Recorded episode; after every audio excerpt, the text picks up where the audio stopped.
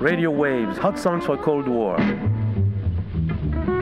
This program is about popular music crisscrossing the Atlantic, allowing the USA and France to share with delight the romantic ballads of Edith Piaf, Juliette Gréco, and Charles Aznavour, as well as those of the Andrews Sisters, Billie Holiday, Frank Sinatra, and Blossom Dearie.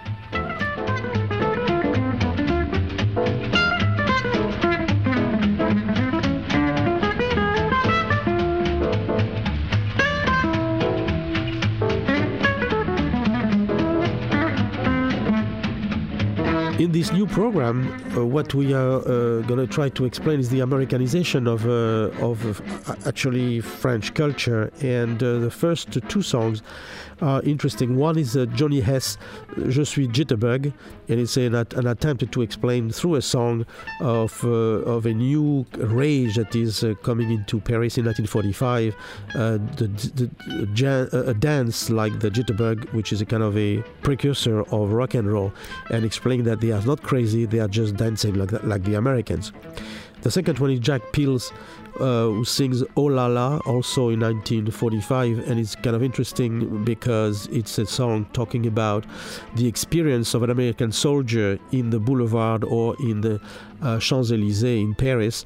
Uh, is using uh, the American accent uh, to express the difficulty that American soldier had to relate to the French public, and he's going to talk about chewing gum as a kind of a symbol of also the uh, the American in Paris at that time. Je n'ai pas la danse de Saint-Guy, n'ayez pas peur, je ne suis pas fou. Je n'ai pas été mis groggy, mais c'est beaucoup plus grave que tout. Je suis Jitterbug, écoutez-moi chanter, et vous aurez deviné ce qu'est un Jitterbug. C'est un mal en vogue, de New York à Boston, il n'est pas de meilleur ton que d'être Jitterbug. L'air bizarre, le nez pincé, l'œil hagard, on se met à danser. L'allure d'un bulldog qui a perdu ses clés. En France, on dirait cinglé, là-bas c'est Jitterbug.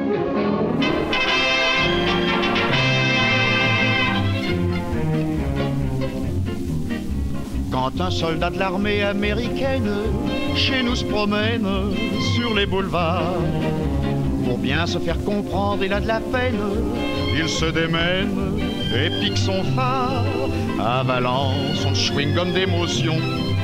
Il entame une conversation. Oh là là, good morning mademoiselle. Oh là là, I go to l'opéra. Oh là là, je speak pas very well. Oh là là, c'est-il là ou pas là en souriant La petite parisienne? Gentiment, justement je vais par là. Oh oh, oh heureux de cette il la suit pas à pas. Pour lui c'est un coup de veine. Elle va là où il va. The French, like Yves Montand, also is fascinated by the Americans, and uh, which is kind of strange when Yves Montand was actually uh, interested in Communist Party as well. But he sings this famous song Dans les plaines du Far West, where it kind of characterizes the Americans as this cowboy uh, in Texas. Dans les plaines du Far West, quand vient la nuit, les cowboys près du bivouac sont réunis. Ils fredonnent au son d'un harmonica, une vieille chanson de leur beau Texas. Et leur chant est répété par l'écho syncopé, par le rythme d'un banjo dans les plaines du Far West quand vient la nuit. Les cowboys près du bivouac sont réunis sur leurs grands chevaux, ils jouent du lasso. Yahoo! Bing bong, bing bong, rien n'est pour eux plus beau. Sous le soleil qui leur brûle la peau. Yahoo! Crânement, ils vont s'entrevenir beau?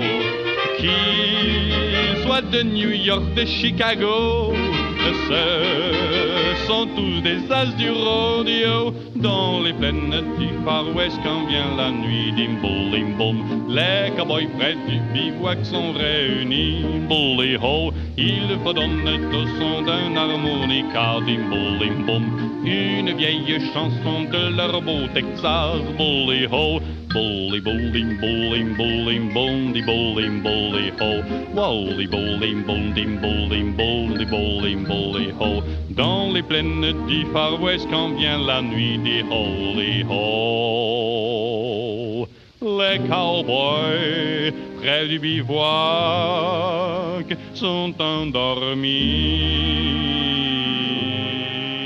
Georges Ulmer also uh, talks about the American soldiers in Paris and taking this uh, American accent, uh, speaks in French and asks to his girlfriend, uh, French girlfriend, when are we going to get married? Quand allons nous nous marier, nous marier, nous marier Quand allons nous nous marier, mon cowboy adoré. Nous ferons seul dimanche prochain, dimanche prochain, dimanche prochain. Nous ferons seul dimanche prochain, ou peut-être même demain J'espère que mon papa voudra, papa voudra, papa voudra. J'espère que mon papa voudra que je marie avec toi.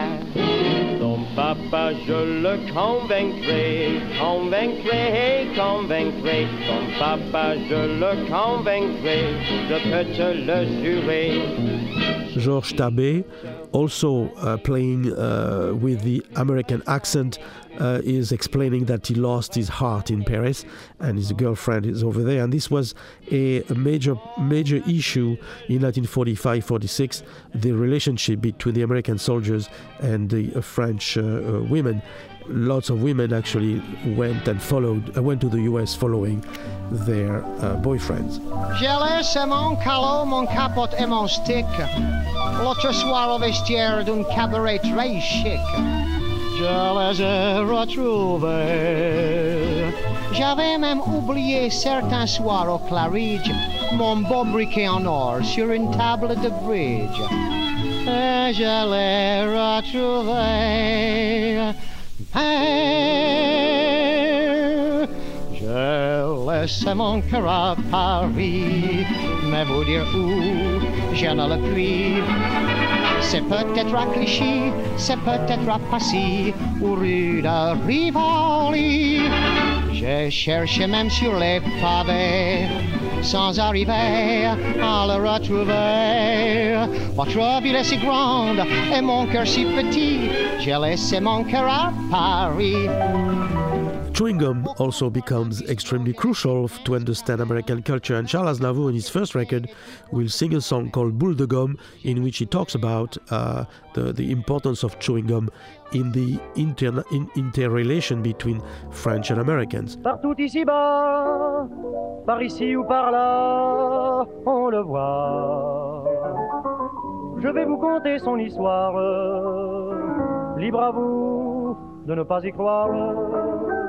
Voilà, on l'appelle boule de gomme, c'est un petit homme charmant qui marche du chewing-gum pour se blanchir les dents. Il danse le jitterbug, la danse américaine, et dans le boogie-woogie, faut voir comme il se démène. Meilleur danseur, l'Elysée à la rue Franqueur. On l'appelle boule de gomme, il est joli garçon, pas plus haut que trois pommes, mais gai comme un pinson. Les femmes sont folles de lui, en voici la raison. C'est que dans le boogie-woogie, il donne le grand frisson au maximum. Le petit bout de boule de gomme. Une riche étrangère, fille d'un roi du whisky, qui visitait la terre un jour, vint à Paris. S'enfuit dans tous les bars, prendre un Coca-Cola, et dans tous les dancing, elle répétait comme ça, pleine d'émotion s'adressant à tous les garçons. Oh, je veux voir Boule de Gomme, le petit homme charmant qui mâche les chewing-gums pour se blanchir les dents. Je serais folle de lui sans aucune raison si dans le boogie-woogie il donne le grand frisson au maximum. le petit bout de boule de gomme. Charles Aznavour in Oubli Loulou is an interesting song uh, trying to sing like American jazzman and is the beginning of uh, a bebop interest. J'étais amoureux fou de demoiselle Loulou. C'était une obsession, j'en perdais la raison. Je n'avais plus d'appétit, je ne dormais plus la nuit. Et tous mes amis me disaient ceci Oublie, oublie Loulou. Mais oublie, mais oublie Loulou, oublie la dent. Oublie, oublie Loulou. Mais oublie, mais oublie Loulou, oublie la dent. Si tu ne le veux pas, tu ne le peux pas, tu ne le pourras pas. Ah, ah. Si tu le veux, tu le peux, c'est un jeu, et voilà. Ah, oublie, oublie Loulou. Mais oublie, mais oublie Loulou, oublie la dent. Oublie, oublie Loulou. Mais oublie, mais oublie Loulou, oublie la dent. À quoi bon de faire de la bile Ne fais donc. Well, Mon ami, c'est- not only Oubli Lulu, but also Oubli the difficulties of the uh, post war period. At the liberation, the uh, idea, the identity of France is so weak that by 1946 the French government refused the possibility to Django Reinhardt to play uh, La Marseillaise, uh, the uh, national anthem, on his guitar. Uh, the song is actually censored.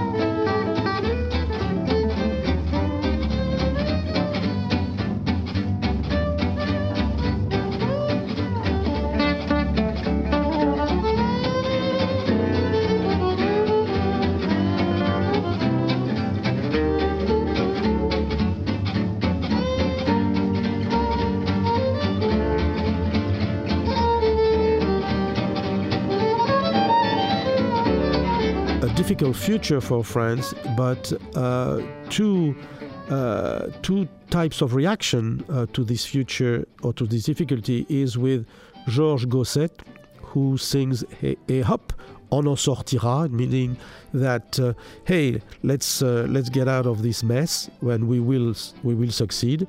And on the other hand, Edith Piaf, who sings sad song again, but saying je m'en fous pas mal, meaning I don't give a damn. Nous avons passé par de durs moments, nous avons encore des embêtements.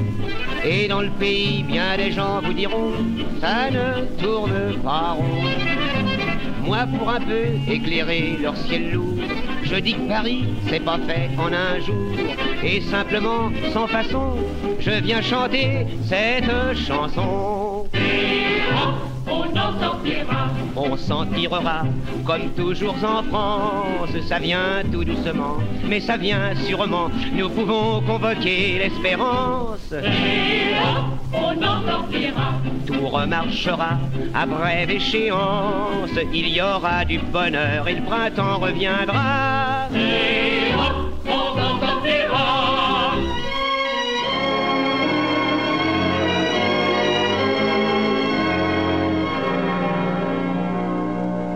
Je suis né passage de la bonne graine, j'en ai pris de la graine et pour longtemps. Je travaille comme un chien toute la semaine, je vous jure que le patron il est content. Mes amis se sont mis en colère, c'est pas bien malin ce que tu fais là. Bon ce qu'il faut, mais toi tu exagères, tu verras qu'un jour tu le regretteras. Je m'en fous pas mal.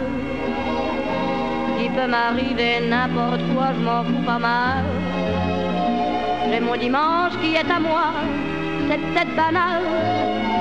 Mais ce que les gens pensent de vous, ça m'est égal. Je m'en fous. Il y a les bords de la Seine, il y a l'avenue de l'Opéra, il y a le bois de Vincennes.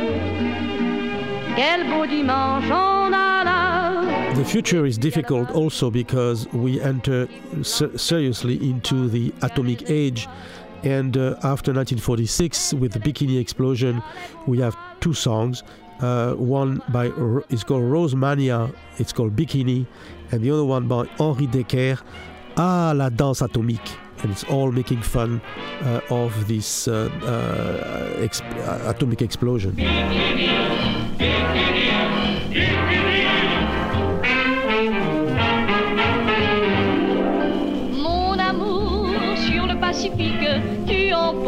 Avec toi mon cœur. Regarde à la bombe atomique, mon espoir est dans ton moteur. Bikini, bikini, bikini, to be or not bikini, bikini, bikini. Récif radioactif, tu réussiras chérie, pilote au hardy. Bikini, bikini, bikini, ah, dans le ciel du bikini, bikini, bikini. C'est fou, cher casse-cou, tu vas lâcher ton joujou qui doit démolir tout. Tout, c'est le coin rêvé où c'est le vert sous les palmiers,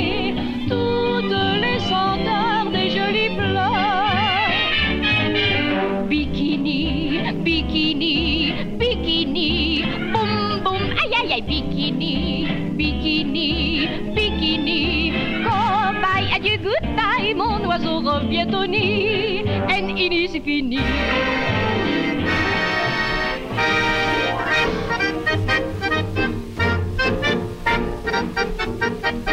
Thank you.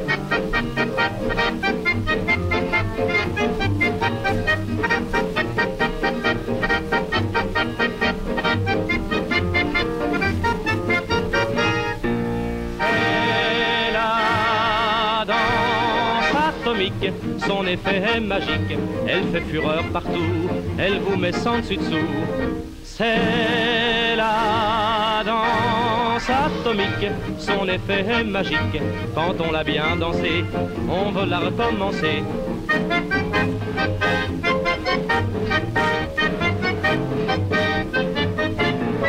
Popular songs are not only uh, trying to describe the fun of uh, post war life, but also the difficulties of uh, international politics. Suzy Solidor, for example, in, in Saigon, uh, sings about uh, Indochina, uh, where the French are involved. The other song is about the UN, and it's a samba uh, talking about the difficult, uh, uh, difficult discussions that happens in that uh, uh, international organization. And finally, the Jacques Elian, the famous French orchestra, singing Le Charbon de la Rue. It's a song about the difficulty of the French government with the Germans about the coal in the Ruhr in 1947. Un grand soleil d'or, c'est le plus joli port, dans le plus beau décor. Saigon, c'est l'escale d'amour, où l'on vient quelques jours,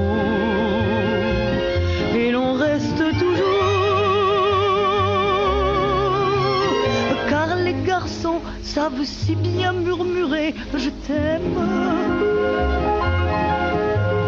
Et les moussemets ont dans leurs yeux bridés des poèmes. Saigon, dans tes vertes maisons, naît une floraison d'amour et de chansons.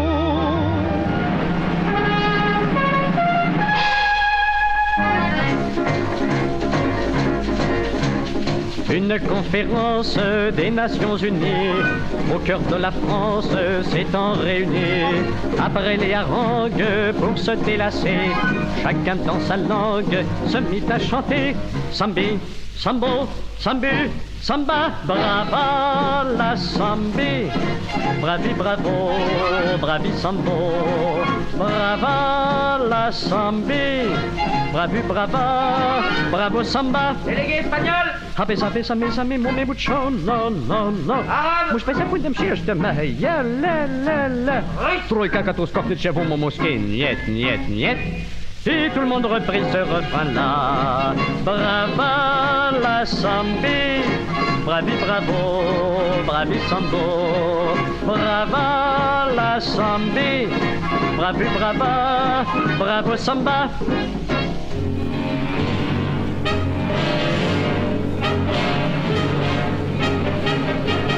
Ce n'est pas un refrain qui nous vient de l'Amérique. Naturellement, c'est un air plein d'entrain, une chanson calorique. Évidemment. Et cet hiver, si vous manquez de voix, voici l'acide dans l'air, seul vous réchauffera.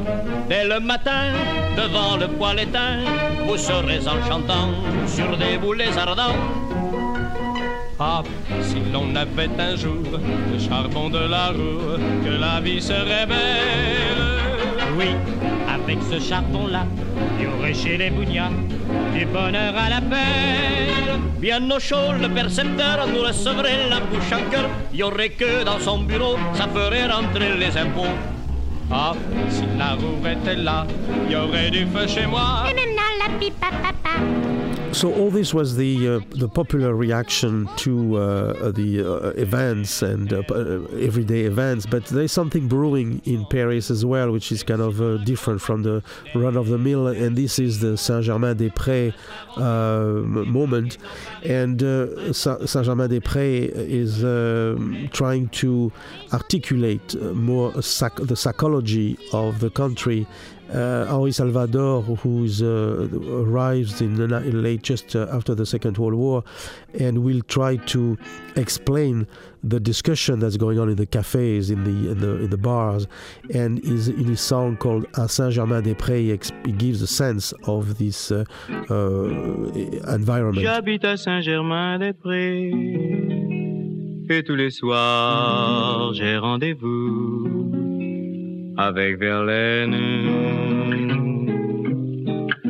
Ce vieux Pierrot n'a pas changé, et pour courir le Guilledou, près de la Seine, souvent l'on est flanqué d'Apollinaire qui s'en vient musarder chez nos misères,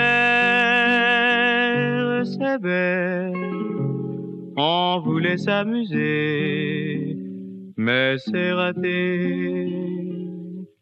On était trop fauchés. Later on, uh, Juliette Gréco uh, will sing Je suis comme je suis and Je et les dimanches, which uh, are two important songs to uh, to show a little bit the revolt of the uh, of the youth culture in Paris at the time, 1951. Uh, je suis comme je suis. I am the way I am, and if you don't like it, tough luck. And uh, the other one, I hate the Sundays, which is a kind of anathema for the French uh, traditional uh, population who still goes to church uh, in, in 1951 and she says this is the worst day of the week. So it's like a very an attack against the all the tradition. Je suis faite pour et n'y puis rien changer. Mes lèvres sont trop rouges mes dents trop bien rangées. Mon teint beaucoup trop clair mes cheveux trop foncés et puis après, qu'est-ce que ça peut vous faire? Je suis comme je suis. Je plais. À qui je plais? Je suis comme je suis. Je suis faite comme ça. Quand j'ai envie de rire, oui, je ris aux éclats. J'aime celui qui m'aime c'est ma faute à moi si ce n'est pas le même que j'aime chaque fois. Tous les jours de la semaine sont vides et sonnent le creux. Mais il y a pire que la semaine, il y a le dimanche prétentieux qui veut paraître rose et jouer les généreux. Le dimanche qui s'impose comme un jour bien heureux. Je hais les dimanches je les dimanches. Dans la rue, il y a la foule des milliers de passants. Cette foule qui coule d'un air indifférent. Cette foule qui marche comme un enterrement. L'enterrement d'un dimanche qui est mort depuis longtemps. Je les dimanches.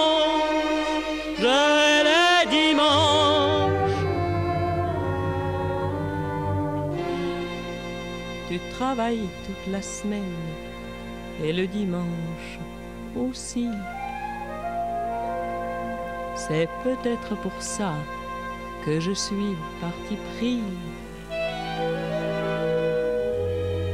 Chérie, si simplement tu étais près de moi, je serais prête à aimer tout ce que je n'aime 吧。Charles Aznavour, on the other hand, is uh, trying to give a, a like a upbeat uh, idea or image of uh, Saint-Germain-des-Prés, and in Le Feutre Topé sings a song about a snob, a snobbish uh, person, intellectual who uh, run around the streets of the Quartier Latin. Uh, upbeat and American beat.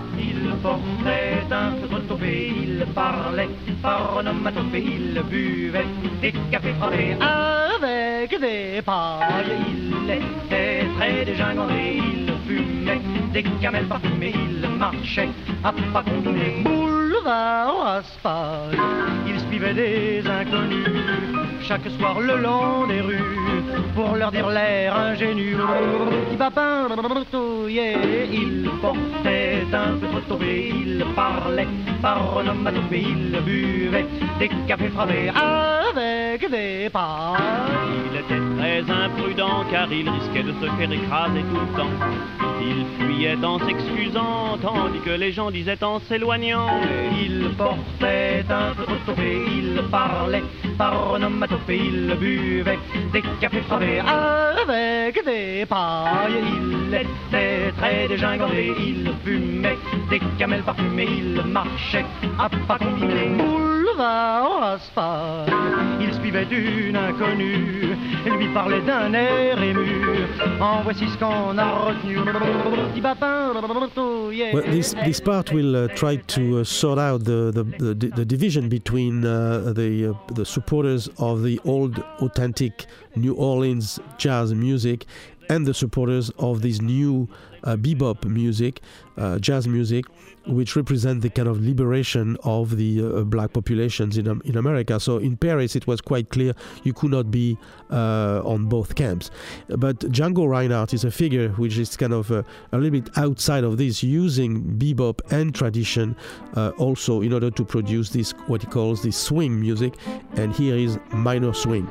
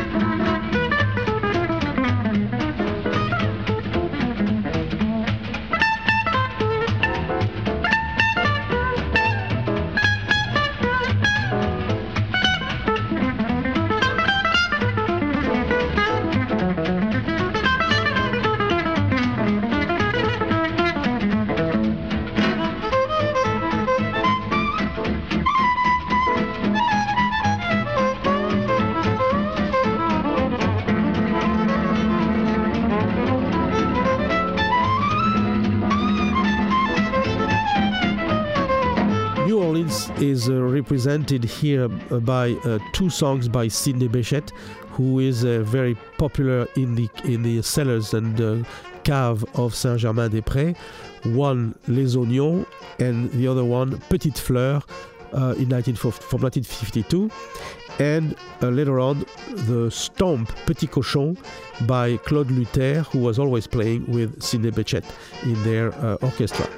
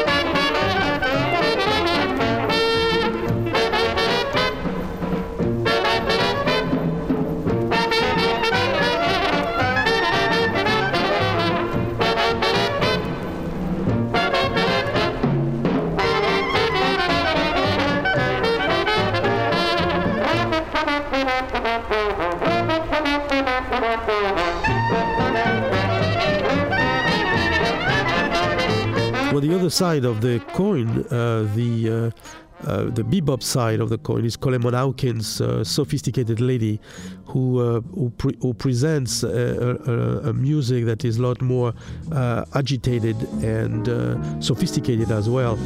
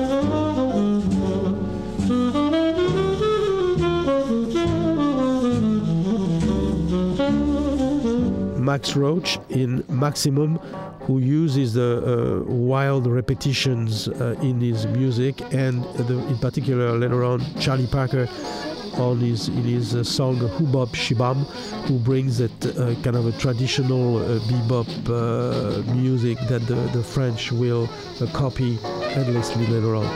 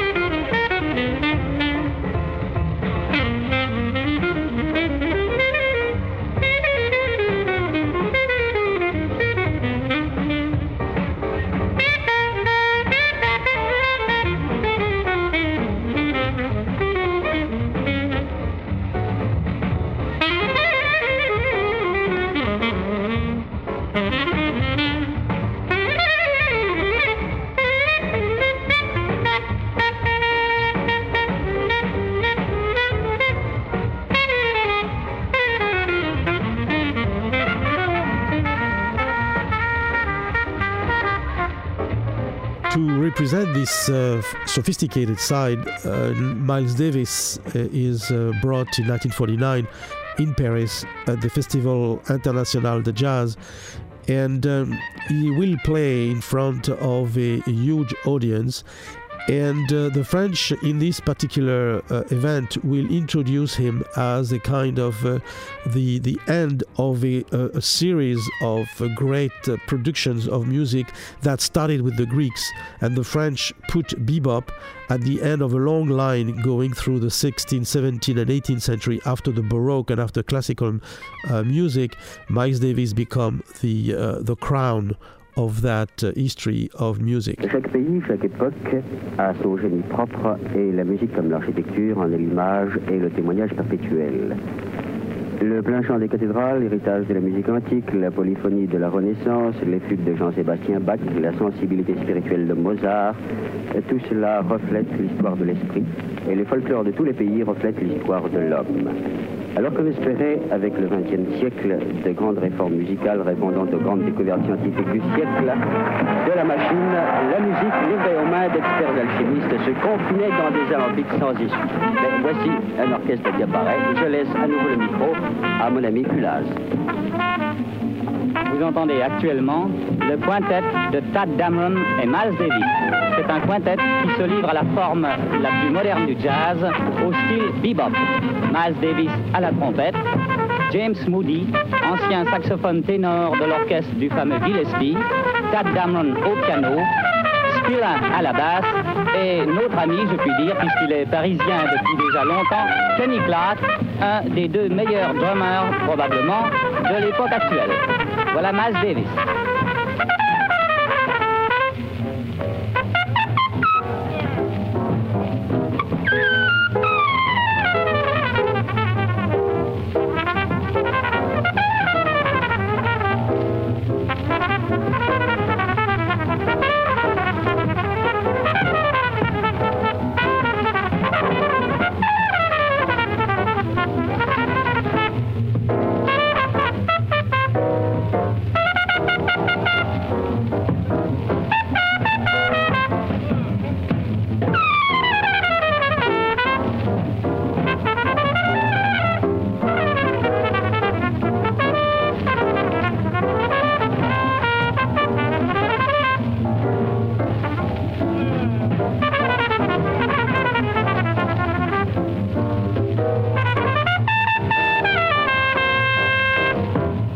Same festival uh, in, in Paris in 1949, like Miles Davis plays Wahoo.